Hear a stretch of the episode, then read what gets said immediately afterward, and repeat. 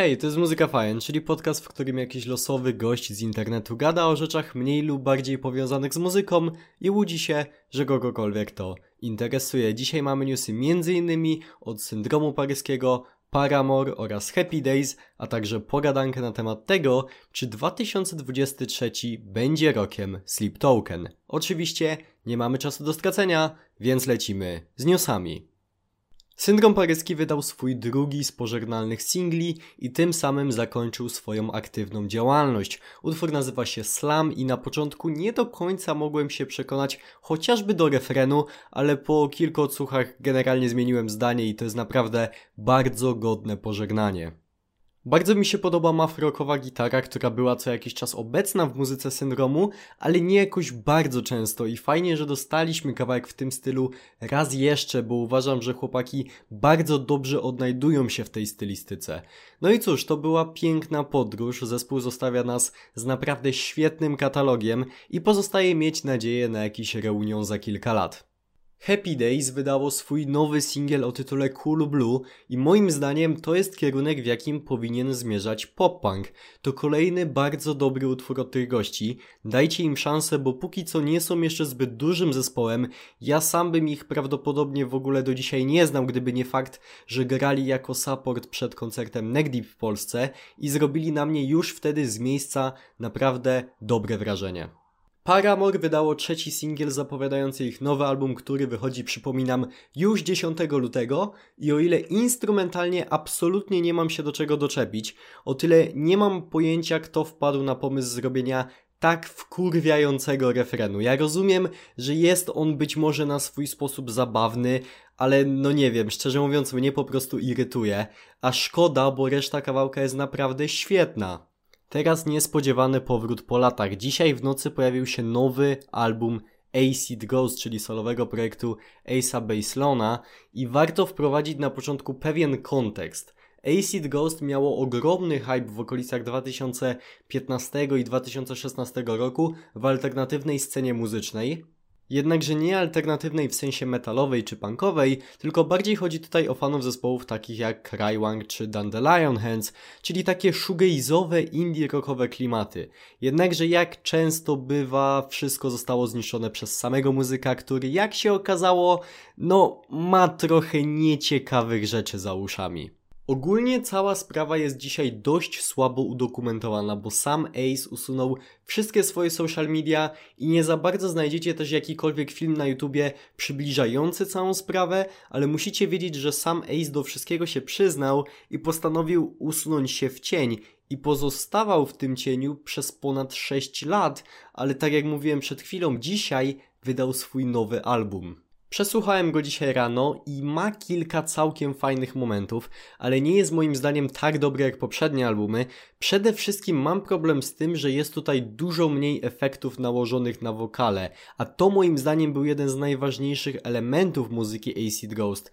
I co ciekawe, nawet na Twitterze nie znalazłem ani jednej dyskusji na temat tego albumu. Kompletna cisza i zbiorowe milczenie. No i w sumie może i dobrze. To tyle z newsów na dzisiaj, teraz pora na pogadankę. Sleep Token, czyli anonimowy zespół łączący w swojej muzyce prog metal, pop, elektronikę i bardzo wiele różnych ciekawych rzeczy, wydał mniej więcej dwa tygodnie temu dwa single w odstępie jednego dnia. Najpierw wydali kawałek Chokehold, a dzień później The Summoning. I to, co się wydarzyło w internecie po premierze tych dwóch utworów, przerosło najśmielsze oczekiwania chyba kogokolwiek na tym świecie. Na początek garść mocno dających do myślenia statystyk. W przeddzień wydania pierwszego singla liczba miesięcznych słuchaczy Sleep Token na Spotify wynosiła 228 tysięcy. Dwa tygodnie później, czyli dzisiaj, ta liczba wynosi 832 tysiące. To jest ponad trzykrotny wzrost w niecałe dwa tygodnie.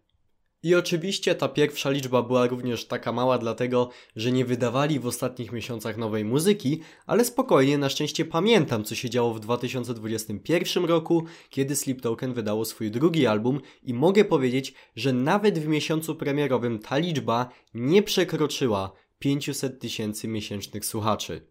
Co więc stało się takiego niezwykłego, że ostatnie dwa tygodnie są tak gigantyczną eksplozją popularności zespołu? No cóż, po pierwsze oba utwory są naprawdę bardzo dobre, ale z drugiej strony cały katalog zespołu jest bardzo dobry, więc to jest tylko połowa odpowiedzi. Moim zdaniem kluczową rolę miała przede wszystkim druga połowa utworu Summoning, która od razu stała się viralem w metalowej społeczności. I jest ku temu bardzo prosty powód, mianowicie jest to dwuminutowe funkowe outro, w którym wokalista zespołu, który ukrywa się za pseudonimem Wesel, daje genialny popis wokalny i oczywiście Sleep Token już od lat mieszało ze sobą różne gatunki muzyczne, ale tutaj wynieśli to na zupełnie nowy poziom. Oprócz tego to była na dobrą sprawę kwestia czasu, aż Sleep Token przeżyje swój moment przełomowy, ponieważ ludzie uwielbiają lore i tajemnice. A tak jak powiedziałem na początku, Sleep Token jest zespołem anonimowym ukrywającym się za maskami i pseudonimami. I o ile sam motyw masek nie jest w muzyce niczym nowym, najbardziej znane przykłady zespołów, które korzystały z tego motywu to Slipknot czy Ghost, ale Sleep Token dokłada do tego bardzo ciekawy pomysł. To nie jest zakładanie masek dla samego szokowania, maski są tylko jednym z elementów ich lore.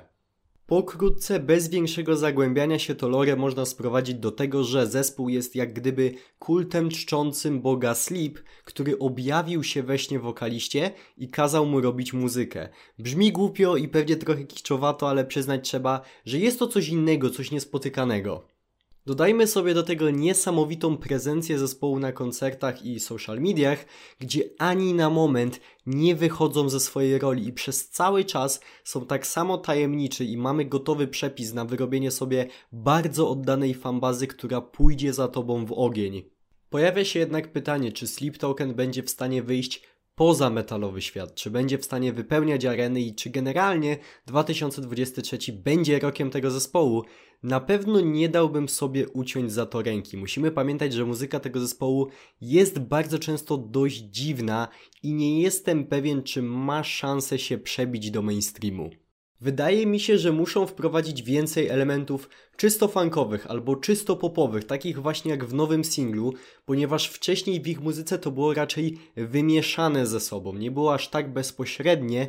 Na pewno gigantycznym plusem jest głos wokalisty zespołu, który jest taki bardzo teatralny, bardzo mocny i zdecydowanie powinien on zawsze być w centrum muzyki zespołu i wydaje mi się, że sam zespół jest tego świadomy, że to właśnie ten element należy eksponować na pierwszym planie. Na pewno jest tu pewien potencjał, który pozwala myśleć, że faktycznie obecny hype jest tylko wstępem do możliwości, jakie otworzą się przed tym zespołem w przyszłości. Ja na pewno kibicuję, bo to jeden z najciężej pracujących zespołów w scenie metalowej i z tego co mówią muzycy, którzy znają prywatnie członków zespołu, podobno również bardzo miłe osoby. I to by było tyle, jeśli chodzi o dzisiejszy epizod Muzyka Fajem Podcast. Dzięki wielkie za oglądanie go do końca. Jeśli słuchasz tego podcastu na Spotify, zostaw po sobie ocenę najlepiej pięciogwiazdkową, będzie mi bardzo miło. Oprócz tego standardowo przypominam, że w opisie tego podcastu znajdują się linki m.in. do mojego serwera Discord, do mojego kanału na YouTubie, na TikToku i tak dalej. Wszystko tam znajdziecie, ja już nie przedłużam. Dzięki wielkie raz jeszcze za wysłuchanie. Życzę Wam miłego dnia bądź wieczoru i do usłyszenia w następnym epizodzie. Hej!